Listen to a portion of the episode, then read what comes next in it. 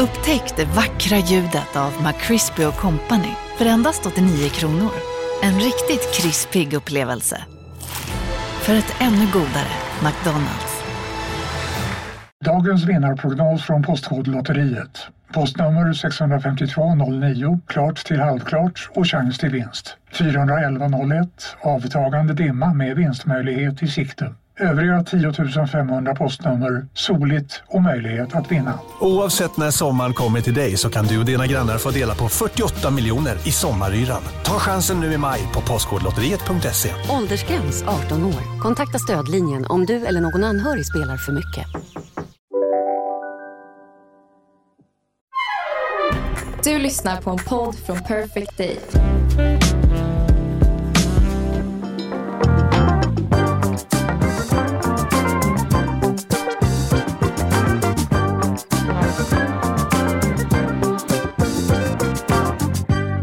Då var det poddags igen då. Hej Hanna, förlåt nu har jag i mina lurar också. Jaha, och jag gjorde en sån, jag gjorde en sån fin start. Jag bara, då var det poddags igen då. Lite Nej. som ett så här, Ja, men Ja, den, den, kapitel den finns där. 53. Kapitel- Nej, det måste vara 53. mer. Nej, ja okej, där de tvistade lärde. Det kan vara 54. Det kan vara 55 också. det kan vara 55, kan vara 57. Nej, men var det inte- 56. Nej, Okej. vänta, alltså det här, nu måste jag ta reda på det här, för sån är jag. Annars kommer inte jag kunna koncentrera mig på någonting annat än att vilket nummer det är. Det är poddavsnitt nummer 58. Oj! Dags för poddavsnitt 58 av Å andra sidan. Och nu känns det som att vi har dykt in i ett av våra favoritämnen. Ja, alltså vi har ju eh, både haft Kajsa Ernst som har pratat medberoende. Vi har haft eh, Åsa Wikman som har pratat eh, högkänslighet. Och jag skulle, för jag har fått en del, om vi börjar med medberoende. Får jag berätta någonting helt fantastiskt då Ja. för dig? I helgen nu så var ju vi och eh, giggade eh, på olika platser. Alltså vi, vi är på olika ställen så att jag kommer liksom inte ens ihåg vart vi var någonstans. Det här är ju absurt. Men Jag om ni vill verkligen- veta så går ni in på pernillavagnarhybris.se och då ser ni turnéplanen så då behöver inte du komma ihåg. Ja, där vi var i alla fall i fredags, där eh, är man tvungen att gå genom publiken för att eh, komma till scenen. Eh, när föreställningen är slut så ska publiken gå ut eh, och jag står och väntar ganska länge och så sen randomly så bestämmer jag mig Oj, är det din lilla hund som låter? Tyst! börjar sjunga. Ja, han har varit själv hela dagen så att han bara vill ha min uppmärksamhet. Jag tar ut honom. Ja. Ja, då står jag där och plötsligt känner jag bara så här, nej men nu, nu går jag till logen och vet att jag då får korsa den här jättekön med människor. Så jag går lite så snabbt, inte för att man inte vill säga hej till alla, men man har också, man vill heller inte känna att man säger hej till några, då vill man säga hej till alla och då kommer det ta för lång tid. Men jag Mm. går liksom ändå så här lagom liksom snabbt och så här, ja, lite lagom hej. Och så hör jag bara en kvinna som bara, nej men Hanna! Och jag känner bara att jag ska, jag ska stanna upp och, och liksom träffa henne. Hon bara, jag bara, hej! Hon bara, ja du vet inte vem jag är, men jag hörde av mig eh, till er för att min dotter var fast i ett medberoende och höll på att skriva en bok och jag berättade för er om ni läste upp det. Och Nu är min dotter klar med boken och jag har boken med mig här för hon sa ge den till Hanna om du av en händelse skulle träffa henne. Nej men gud. Så att då, hon hade, alltså förstår du, det är så här, det här, apropå slumpen, ingen tillfällighet. Jag blev helt rörd, så vi stod där båda två och bara, nej men det här är helt fantastiskt. Åh, vi är så tacksamma att du och Jessica pratade om det här och att ni läste upp min... Så hon bara, hej, nu är min bok klar, vill ge er ett ex. Ni tog upp detta i poddavsnittet Änglakyssar, där mamma delade med sig om att vara anhörig i ett medberoende. Med vänlig hälsning, Hanna Götberg. Och boken heter alltså Med facit i hand så var inte misshandeln hård nog. En bok om mina erfarenheter som följt mig ur en destruktiv relation av Hanna Götberg. Och jag har ju inte hunnit läsa den här än, men jag ska ju läsa den nu och sen ska du läsa den Jessica. Och sen ska Ja. vi prata ännu mer om det här. Vi kanske till och med kan... Hon, Eh. hon eh, kommer ju jättegärna och eh, prata om sin bok och vad hon har varit Ja. med om. Eh, så det ser vi fram emot. Eh, nu ska vi ta oss tiden att eh, läsa en bok. Jag måste ju ärligt erkänna att jag är sämst på att läsa böcker. Ja, men den här är inte tjock och eh, det är ju ett... Nej, och jag vill och det finns så många böcker jag vill läsa så det handlar Ja. inte om vilja utan jag vill verkligen. Och nu ska jag bara göra det. Men alltså jag tycker det är så fantastiskt hur det blir det här. Vi, vi fastnade för det, det här är väldigt länge sedan vi började prata om, om henne ju, och vi fastnade för mamman och liksom kampen och hur hon har velat skriva en bok för att förstå hur man stannar i en destruktiv rel, eh, relation, där då det kanske inte är så synligt vad som pågår. Mm. Och så pratar vi om det här och så lyckas av en händelse så får jag det här exet för att jag går ut precis just då i Ah kön. Det finns en mening med allt. Ja, jag blir bara mer och mer övertygad om det. Bokens innehåll riktar sig till dig som lever i en destruktiv relation, till alla närstående eller helt enkelt till dig som vill lära dig mer om det. Historien består av verkliga händelser som författaren, jag, Hanna, har varit med om och som jag vill kunna hjälpa någon annan med. Och så sen står det också här i, i slutet eh, eh alla kontaktuppgifter till olika organisationer eh, som kan vara till hjälp då ifall eh, du vill det. Kvin- Kvinnofridslinjen, Brottsofferjouren, jourhavande medmänniska. Nu känner jag att jag ska läsa upp telefonnumren också ifall det är någon som lyssnar på oss här nu som eh, är i en situation där de skulle vilja ha numret. Kvinnofridslinjen är 020 50 50 50 och Brottsofferjouren är 116 006 och jourhavande medmänniska är 08 702 16 80. Ja, jag kan läsa upp dem i slutet igen om ni vill hänga eh, kvar och lyssna och hämta papper och penna så kan jag läsa upp dem i slutet igen. För att nu kommer, när vi börjar prata om sådana här saker, då kanske det också blir så att, att man synliggör lite grejer hos sig själv eller hur man lever. Så vi kan ge de här numren i slutet också, när vi ändå tog upp det.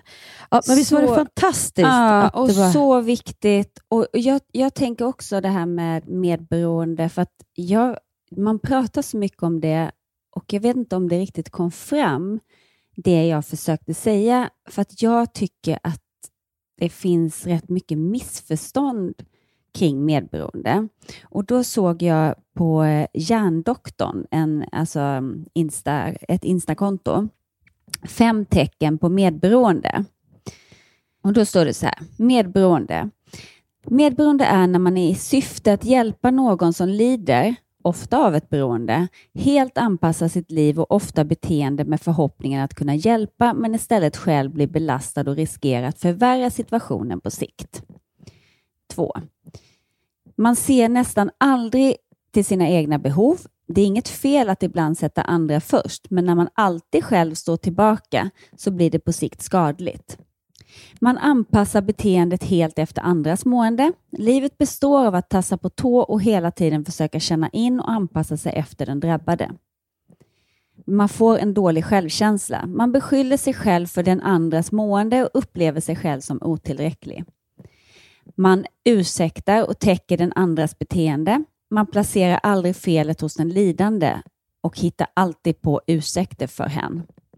Det går inte att sätta gränser. Oavsett vad man själv tycker om något så går det till sist inte att säga nej. Ofta tänds gränserna ut mer och mer över tiden. Och Det här är ju, liksom, tycker jag, det vanligaste man hör när man pratar medberoende. Men det som du belyste och Kajsa belyste, det är ju också att den som är medberoende också lider av ett beroende. Och det tycker inte jag man ska glömma bort. För det är så lätt att man hela tiden fokuserar på den, den andra som har kanske ett alkoholmissbruk eller ja, något form av beroende, vad det än är. Eller något beteende som gör att du blir medberoende. Men du sa någon så himla bra sak till, till mig, att det är ju också att den som är medberoende tjänar eller vinner någonting på att vara kvar i sitt beroende. Till exempel, jag mår bra av att hjälpa den, för vem är jag om jag inte känner mig behövd av den här personen? Mm. Det pratar man inte så mycket om. Ja, det gör man ju när man först inser om man är medberoende, för då inser man att det ligger hos en själv. Alltså det är man själv som har ett beroende. Mm. Innan man inser det, då är det lätt, alla de där punkterna du läser upp nu, då är det ju lätt att, så här, att det finns någon annan som är dålig, som gör att jag måste, alltså är så här och att det låter nästan som att den medberoende är något slags offer. Men så är det ju inte. Den medberoende är ju inget offer, den medberoende har ett beroende. Och Det är väldigt jobbigt att inse, om man, speciellt om man är en hjälpare och man tycker att man sätter sig själv i andra rummet, att sen inse att Gud, det handl- jag har ett problem. Jag måste ändra. Jag har ett beroende. Det kan vara, alltså komma till den liksom insikten är ju första steget. Att det inte handlar om den andra människan, för där är du ju annars kvar i ett medberoende ändå. Om det, för att, det är för att den människan gör så, annars skulle jag inte behöva göra så här. Mm. Men det är för att den gör så, annars skulle jag inte behöva göra så här. Men det är ju att hela tiden vända allting tillbaka till en själv och inse att det är man själv som, är man medberoende, har man ett beroende. Mm. Och det tror jag, jag tror att det är en jättestor miss, eh, missuppfattning, eh, missförstånd, att man fokuserar så mycket på att det är den andras beroende som är problemet. Men som medberoende så är ju du också problemet. Jag skulle säga att skillnaden är att en tillfrisknande medberoende person vet att det ligger hos en själv. Mm. Men är man inte tillfrisknad i sitt beroende, då tror man ju att det är den andras beteende som behöver ändras. Och jag tänker att det är jättevanligt att man tappar bort sig själv i en relation. Det kan vara en relation Mm. till en familjemedlem, alltså sina föräldrar, eller det kan vara en eh, vänskapsrelation eller sin partner.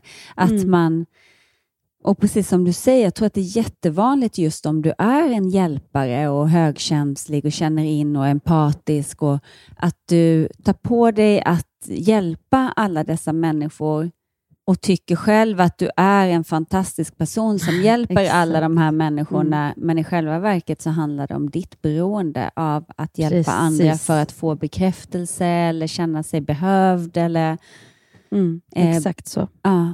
Och Då får man gå bakåt och tänka så här, när man lärdes, när, när fick man det fel? Att gud, jag måste, jag måste ju hålla på så där för att bli älskad. Mm. Eh, och Och det är kanske bara jag som eh, gjorde den aha-upplevelsen eh, så här sent. Men jag vill ändå vara tydlig med det, för att jag, jag tänker att det kanske är fler än jag som... Jessica, jag tänker att en sån där aha-upplevelse är ju liksom det absolut första steget med att kanske på riktigt Mm. ändra. För att om man säger så här, jag är nog lite medberoende, eller jag är nog en medberoende personlighet, då är det fortfarande liksom en... Alltså, men att få det där aha, okej, det är jag som Mm. måste jobba med mig själv. Mm.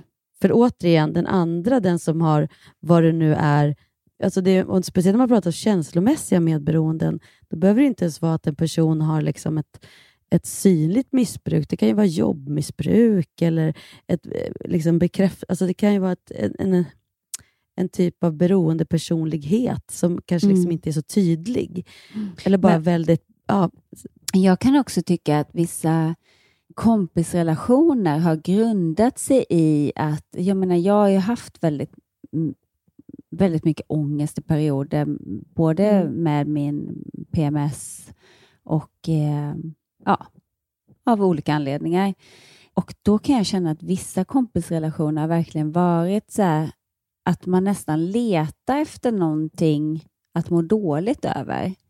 För vad ska Mm. vi prata om annars? Att det har blivit Mm. så här, vi pratar bara om hur dåligt vi mår. Antingen att man Mm. har gått igenom skilsmässa eller att man ja, sin PMS. Eller, ja, men det handlar liksom om jobbiga saker och sen när man helt plötsligt mår jättebra, då är det så här, jaha, vad ska vi prata om?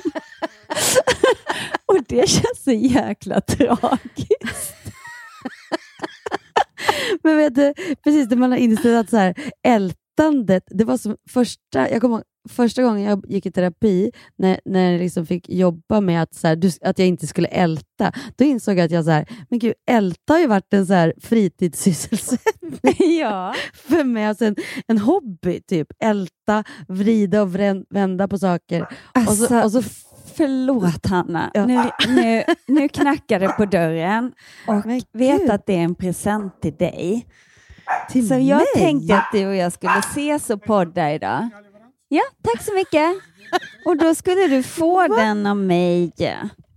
Men skämt, vad säger du för något? Ja, och nu, det här budet var ju så sent eftersom det är snökaos. Förlåt, det var en liten parentes, men du ska få en present av mig. Nej, men gud, vad du är gullig. Ja.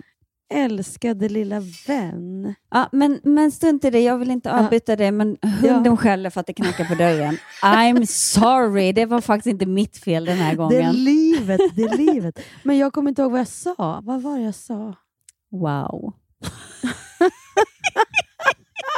Jo, jo det vet jag. Älta. Ja. Och jag blev så Det, provocerad. det är ju din fritidssysselsättning. Ja. Mm, var. Men då, och Mm. jag, jag, jag blev så provocerad av att, så här, att, att jag bara, vadå, menar du att jag ska gå i terapi för att sluta älta? Det är ju liksom mitt sätt att leva och komma underfund med så, så här.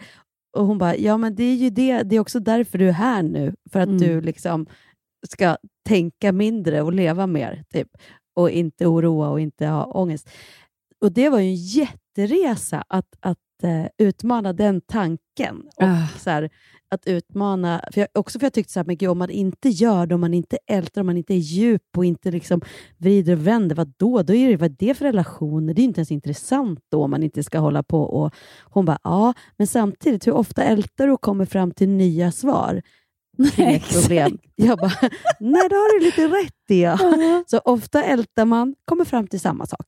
Ah. Man ältar, ältar, ältar, kommer fram till samma sak. Och så har man ägnat massa vakna timmar och är Ja. jättetrött. Och, Bara Alltså, åt att liksom jag, jag kommer ihåg att jag satt hos min terapeut och skulle gå igenom, för mig är det ju ganska viktigt vem som har rätt och fel. Och det är först nu Mm. de senaste åren som jag har insett att det kanske inte finns ett rätt och fel.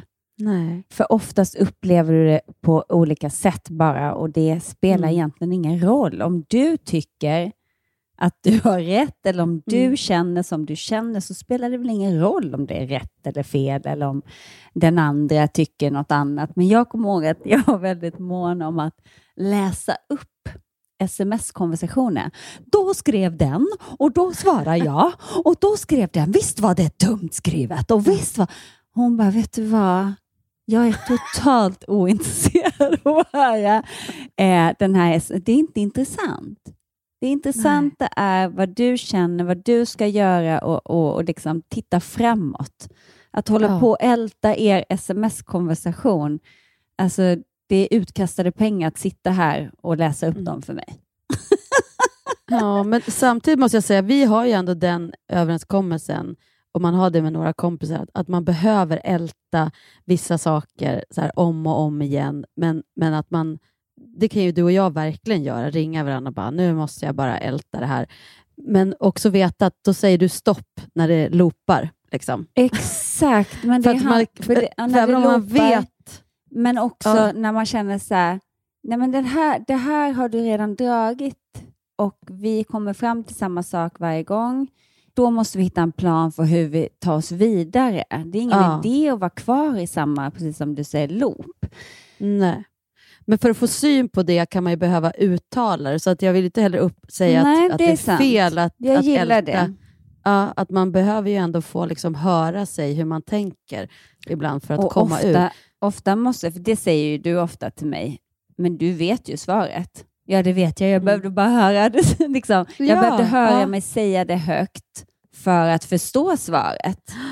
Får du bli, lite speglad att man så inte är tokig. Men hon gav mig rådet som, jag, som hjälpte mig att börja komma ur i alla fall, eh, liksom så här, när det kändes helt nattsvart med saker och ting. Det var Mm. att du får bara ägna det här en kvart om dagen.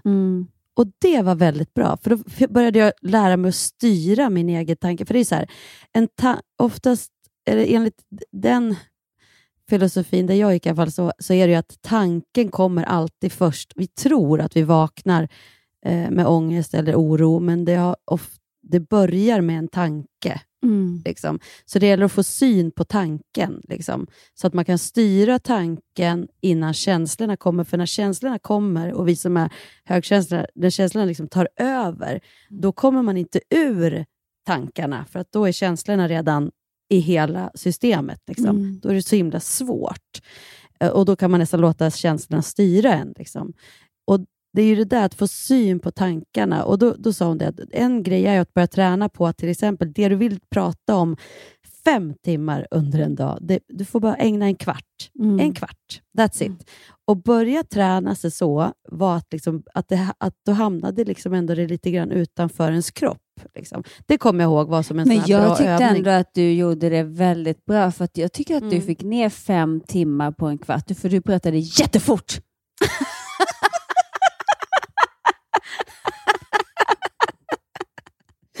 Precis, och det är mitt tips Ja. till alla. Prata fort så du hinner liksom älta klart. Ja, nej, men det är bra.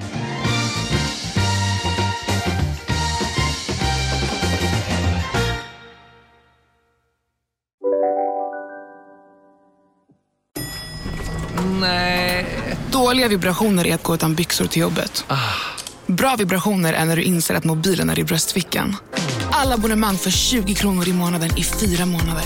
Vimla! Mobiloperatören med bra vibrationer. Välkommen till Unionen. Jo, jag undrar hur många semesterdagar jag har som projektanställd och vad gör jag om jag inte får något semestertillägg? Påverkar det inkomstförsäkringen? För jag har blivit varslad, till skillnad från min kollega som ofta kör härskarteknik på möten och dessutom har högre lön trots samma tjänst. Vad gör jag nu? Okej, vi tar det från början. Jobbigt på jobbet. Som medlem i Unionen kan du alltid prata med våra rådgivare. Om en sous på väg till dig för att du hörde en kollega prata om det och du råkade ljuga om att du också hade en och att den var så himla bra att maten blev så otroligt god och innan du visste ordet av hade du bjudit hem kollegan på middag nästa helg för att du sålt in din lågtempererade stek så bra att du var tvungen att beställa en på nätet fort som attan. Och ja! Då finns det i alla fall flera smarta sätt att beställa hem din sous vide på. Som till våra paketboxar, placerade på en plats nära dig och tillgängliga dygnet runt. Hälsningar Postnord. Jag har en annan fråga till dig, Hanna. En, ett lite så här moraliskt dilemma. För vi pratade förra veckan om eh, att både du och jag har väldigt mycket vänner som vi älskar. Eh, och eh, ja, men så väldigt nära vänner och jag är så tacksam för det. Men sen så har man också bekanta vänner som man tycker väldigt mycket om, men det finns liksom ingen tid. Och när, när de smsar mig och säger åh, vi måste ses, så blir jag stressad och jag vet inte hur jag ska hantera det. För att jag å ena sidan vill skriva så här, ja, det är klart vi ska ses, fast jag vet att vi kommer inte ses, för jag kommer inte hinna det och jag blir stressad av att ha det hängande över mig. Och då undrar jag, vad är bäst? Att skriva så här, vet du vad, jag tycker jättemycket om dig.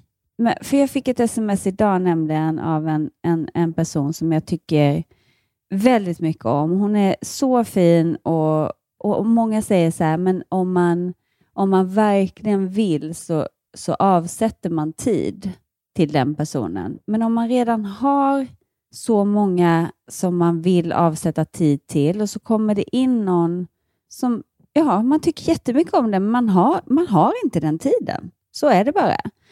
Eh, skulle du säga då, var ärlig och bara säga så här, vet du vad, det här har ingenting med det att göra, för det har det inte. Jag tycker om henne. Jag önskar att jag hade tid för henne också, men jag har inte det. Skulle du säga det då? Jag vill, men jag kan inte lova att vi, jag kommer få till det. Eller ska man köra, för det känns så taskigt. Eller ska man säga att eh, ja, men det kan vi försöka få till, när man egentligen vet att det inte kommer bli så. Men Gud vad svårt. Det beror ju lite grann på... Nej, egentligen beror det, allting beror ju på liksom, hur viktigt det är att hon känner att ni ska ses. Hur mycket du vill. Det är det. För att ändra är det ju att säga att jag skulle så himla gärna vilja det också, men nu är det helt kört innan jul. Mm. Det kan man ju skriva. Om det är Men jag har kört typ jul. skrivit så i flera år. Aha. Nej, men då, ja, och då, då tänker jag att då är Hon det ju får liksom inte att, plats i mitt liv och Nej. det är jättesorgligt, men uppenbarligen eftersom det har gått så många gånger och hon försöker Mm. och försöker och jag känner mig som världens sämsta kompis. Så jag, jag vill ju typ att hon ska sluta fråga. Mm. Och vad svårt, nu är vi inne på nästan så här, göra slut med en Ja. kompis-temat. hur, hur man Och gör det. Det kan man ju göra om det är någon som eh, gör en illa eller någon som får en att må dåligt. Eller så. Hon gör inte det. det Fast är- vet du Jessica, jag känner att det behöver inte handla om det. Det kan ju handla bara om det här att det är någonting ändå i er relation som är... Alltså hon har mer behov av dig än vad du har av henne, eller vad man ska säga. Mm. Och Jag tänker på det här också, att man, när man kommer till en viss också så här inre resa och börjar, då kan man ju ha behov av att städa lite. Mm. Om du förstår vad jag menar. Alltså bara, det behöver ju inte vara att... Eh, det, det är ju fortfarande att du känner att du faktiskt inte har tid, för du behöver göra annat. Så du har ingen förklaringsskyldighet ju. Om det är att du faktiskt behöver tid att, att vara med din hund eller med dig själv och meditera, så är det liksom också okej. Ja, men jag Ju. känner mig taskig. Varför gör jag det? Ja, men det kanske är för att du har den här personligheten, att du överger dig själv, så att du tänker på vad hon... Jag är ju likadan. Jag, då tänker man på vad hon ska känna eller vad, hur hon mår. Men, men det är ju liksom upp till henne då, att kommunicera det till dig sen. Det är ju Mm. hennes resa. Det är ju hennes resa. Så För- du, du skulle vara ärlig? Är det kontentan? Vad är alternativet, tänker jag? Att, att du Alternativet känner... är ju att skjuta det på framtiden. Bara skjuta det, skjuta det, skjuta det tills hon till slut Ja. känner att äh, hon verkar inte vilja. Nej, ja. Och det känns Det- också elakt. Eller ge Ja. falska förhoppningar för någonting som jag någonstans innerst inne vet inte kommer hända. Ja, jag skulle väl kanske uttrycka att jag, som det ser ut nu så har ju jag så himla lite tid och har ju haft det de senaste åren. Så vi kan väl säga att vi ses när vi ses. För jag vågar inte lova någonting. Det är något. bra. Eller när livet ser lite annorlunda ut. Alltså, eller inte annorlunda ut. Då är det som att hon ska vänta på dig. Men bara så här, kan vi inte bara hålla det öppet och säga att vi ses när vi ses? För Mm. jag har liksom Rätt väldigt som det svårt så att dyker det upp en, en tid Ja. där det finns tid och utrymme. Ja. För som sagt, det finns ingenting. Och, och jag menar, jag hade haft svårt om, jag hade, om det hade funnits en person i mitt liv som betyder... Låt säga att nu har vi... Är, du är inget bra exempel för vi är så nära. Men, Mm. men om man tar någon en ny bekant som man bara känner sig, fan vad jag gillar den här personen och man försöker och man försöker och liksom, ja men gud kan vi inte få till en dejt och hon har inte tid. Det, det är klart att man tar det personligt. Men lärdomen av det här är ju att det behöver 100% inte vara personligt. Exakt, och jag tänker så här, eh, vi har ju båda varit på en sån här fantastisk eh, resa eh, på ett eh, på sån här ju, eh, utvecklings, eh, inre utvecklingskurs. Varför, Mm. varför krånglar jag till det? Varför, s- ja, men jag vet inte om vi ska säga vart det var. Det kanske vi kan göra längre fram. Men jag tänker det, känslan när man kom därifrån, när man var så nära sig själv, Mm. eh, var ju att gud, jag tog ingenting personligt när jag kom därifrån. Nej, Alltså, man är någon- så stark. Jag var så, jag var Och så full, rakryggad. Ra- och jag kände att, och, och jag har inga problem att säga det till någon annan heller, för det är ju helt och hållet upp till dem. Och Mm. inte in på något elakt eller hårt sätt, utan kärleksfullt. Men jag bara menar att, att det där säger ju någonting också om den egna självkärleken och självkänslan. Om man inte kan ta ett nej, utan tror att ah, men det är för att jag är dålig eller det är för att jag... Nej, den personen har inte tid. Och vi har inte tid med hur många människor som helst i våra liv, nära. Man har inte tid att fika och äta lunch med hur många som helst. Det går ju inte. Även om man Nej. skulle vilja så går inte det. Jag, jag har verkligen haft en period nu när jag, ja, men jag, jag har inte mått bra jag, och jag kan Mm. liksom inte sätta ord på varför och jag försöker liksom analysera. Alltså, det är så här, men, eh, jag, jag känner mig jäkligt PMSig. Men är det verkligen PMS? Det är inte den, alltså jag är inte där i cykeln. Ja, men är det lite förklimakterie? Eller är det, jag tänkte på det efter vi hade pratat med Åsa där, orkidébarn. Mm. Det kanske bara är så. Jag har sovit väldigt dåligt. Jag behöver ju, som högkänslig behöver man sömn, man behöver egen tid, man behöver... Mm. Och jag kan känna, eh, å ena sidan så har jag kommit till en acceptans. Jag har ofta fått höra, men du är så knepig och ibland kan jag känna, ja, jag är nog lite knepig. Jag har mina grejer för mig. Jag klarar inte av ljud, jag klarar inte av dofter, jag klarar inte av det. Jag behöver sömn, jag behöver det, egen tid och jag behöver... Ja, men då kanske jag är det. Ja, när man själv, jag känner att jag är likadan, så jag tycker inte att det är knepigt. Men det jag förstår är om någon inte har de behoven, att, man, att det kan uppfattas som knepigt då. Och jag tänker ändå att jag skulle tycka att det var lite jobbigt om jag levde med en person som hade så mycket grejer för sig som jag har, fast kanske då andra grejer som jag inte kan relatera till, som jag Mm. inte har några problem med. Då skulle ju jag ändå tänka, Ja, gud men vad så- jobbigt. Fast det gör du väl på ett sätt. Alltså, jag tänker det, man kompletterar väl varann. För att det här liksom att, eh, jag tänker du är ju en extrovert eh, högkänslig person. Precis som, alltså, du, har inte, du har ju väldigt stort socialt Fast, fast det liv. där är så intressant. För jag satt och tänkte, när hon sa det att det fanns, in, Ja. det var ju väldigt intressant tyckte jag. Eh, Ja. När hon sa att det finns introvert och extrovert. Och jag skulle säga att jag är introvert. Fast jag uppfattas som extrovert. Men det är väl för att jag blir helt slut. Även om jag älskar att umgås med mina vänner, jag älskar att hitta på saker, så är jag ju helt Mm. slut efteråt. Och jag tänker att det är därför jag någonstans går ner i mina svarta hål ibland. Det är för att jag utsätter mig för de här... Mm. Men det är kanske det som är att vara extrovert högkänslig. Att jag ändå vill göra de där grejerna, men Mm. sen inser att jag inte riktigt mäktar med det. Och så som du säger, och så sen, när man inte har en återhämtning, utan att det blir liksom först när det blir lite svart som man lugnar ner sig, då blir det ju som att, att man själv tror jag är rädd för att lugna ner sig, för man tänker att det måste vara svart för att jag ska lugna ner mig, Mm. istället för att inse att, att man bara lugnar ner sig när det börjar skymma eller lite grått. Liksom, inuti. Då lugnar man ner sig. För annars tror jag att man håller på och undviker det svarta och kanske blir ännu mer överstimulerad Mm. och flyr in i saker. Så kan jag se att jag har hållit på. Jag, jag tackar pandemin för att jag på något vis fick syn på saker. Att jag, Mm. att jag klarar av att vara hemma ledig. Jag gjorde inte det innan. Jag var ständigt i så här, planera nästa middag, planera nästa resa, planera, planera, planera och se fram emot att ha jag har fortfarande behov av att se fram emot saker, men liksom Mm. kan också ha en helg eller några dagar där ingenting är bestämt och se fram emot Ha, när hade du det senast, helt ärligt? Handen på hjärtat, Hanna Hedlund. Ja, handen på hjärtat Jessica, du synar mig nu. Fasen, jag kan inte komma ihåg när jag hade det.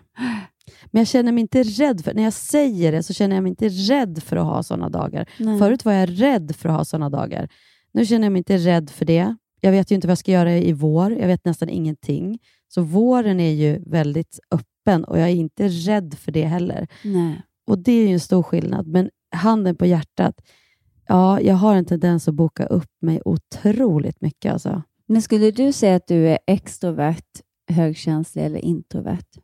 Ja, men jag tänker att jag är, jag, jag, jag är extrovert. Men jag tänker också ibland att det har någon slags, det där att jag liksom är så ovan att vara själv så att jag liksom inte har tränat på det. Alltså inte ens när jag var liten. Jag liksom hade hur mycket kompisar som helst och hittade på grejer. Det var som ett ständigt bara flow. Men sen hade jag ju också ett enormt inre liv. Alltså med ganska mycket oro och ångest tidigt, som vi pratade om också. Svårt att sova och dödsångest redan i andra klass. Och liksom trodde, alltså så här mycket, mycket oro och ångest. Så ett inre liv där jag liksom, som jag inte delade med någon. Mm. Utan utåt var det bara tjofaderittan och fullt ös. Sen var det andra tider så att man hade ju tråkigt i perioder och, var och, och satt ju där hemma uppe i Hälsingland utan någon stimulans. Och Det kanske var min alltså, räddning, eller man ska säga. Mm. Och mycket fysisk aktivitet, fotboll och slalom på vintrarna och hej och alltså, Att man på något vis fick någon slags återhämtning och ner i kroppen. Mm. Men jag, jag, jag har faktiskt funderat, nu när vi kom hem hit till Stockholm så hade det snö, har det snöat otroligt. Det fortsätter ju bara snöa och snöa och snöa. Och nu är man ju själv, så det var bara att ta fram spaden och börja skotta. Mm. Eh, och Då kom jag att tänka på pappa, som alltid sa så här, eh, jag började tänka mer och mer på hur jag var när jag var liten. Liksom. Mm. Och han, kall, han var så här, jag stod ut med pappa jämt när han skottade. Jag tyckte det var liksom mysigt att sitta och, stå och titta på. är Mm. min upplevelse. Men jag minns att han sa, Åh Hanna, varför kan inte du vara som Eva? Det var min kompis och vår granne, vi bodde i så här kedjehus. Hon står bara och tittar på när Rolf skottar och gör en snölykta. Men du bara drar runt, man vet aldrig vart man har det. Plötsligt är du borta och man ser det inte. Åh, man blir så orolig. Och Då tänkte jag, det var hans ord, så det var ju liksom ett fullt ös på mig.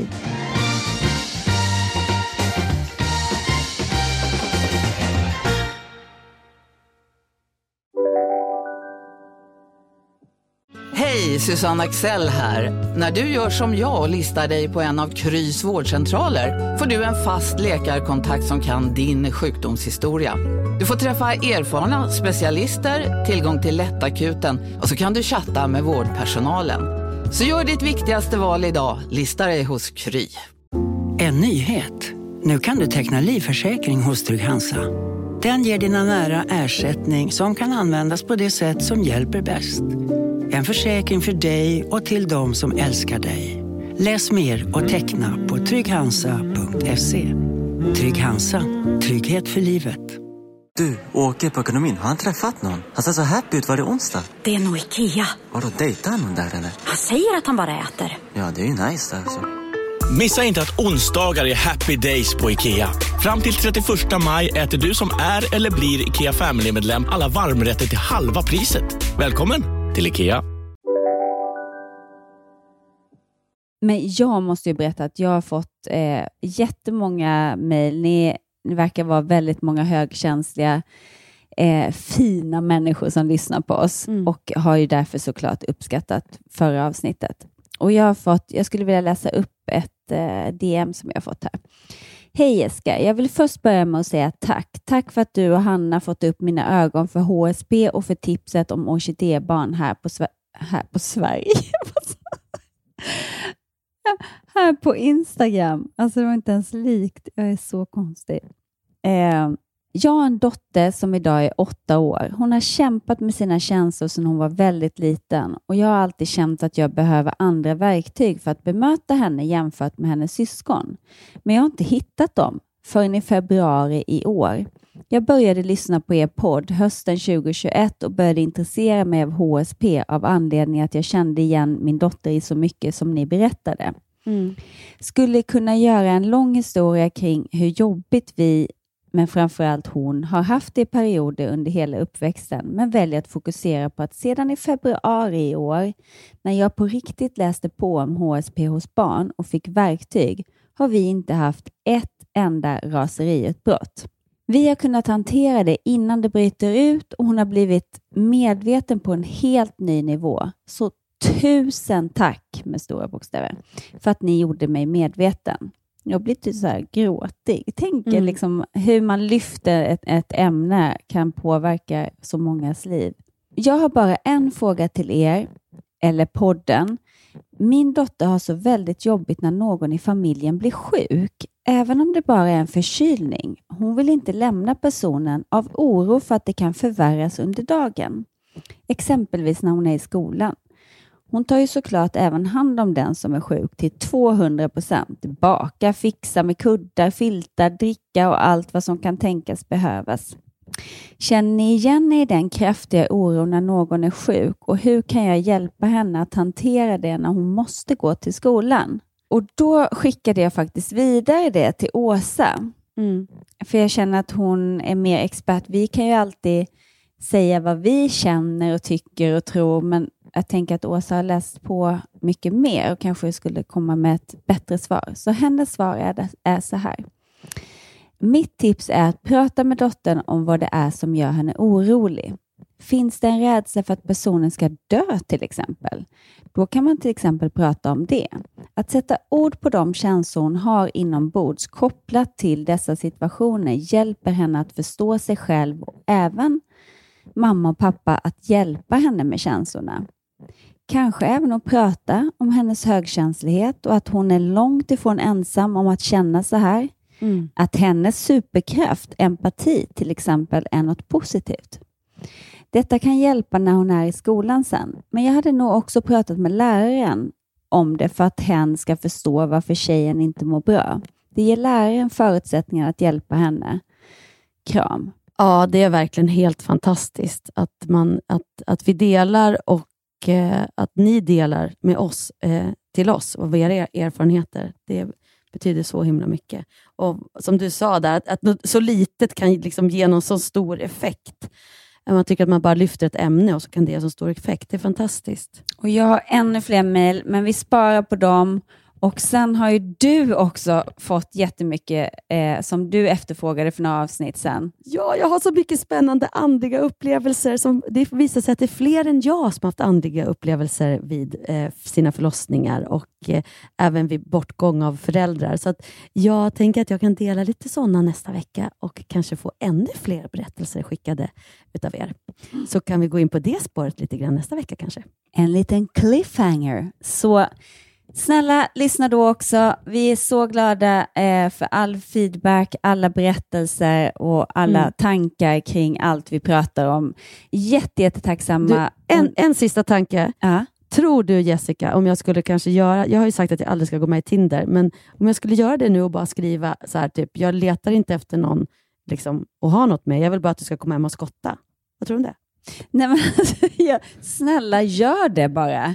Alltså du säger bara så här, snälla jag söker inte efter en man, men jag behöver någon som kommer och skottar. Jag kan bjuda på kaffe efter. På sin höjd. Och en rolig historia. Men Precis, och jag menar tänk om det är bara en man i ditt liv som dyker upp och skottar din uppfart. Who knows? Det får ni också höra om i nästa poddavsnitt. alltså jag skulle älska det om du gör det Hanna. Vi hörs. Ja, jag är för feg. Hej! Love you. Puss. Love you.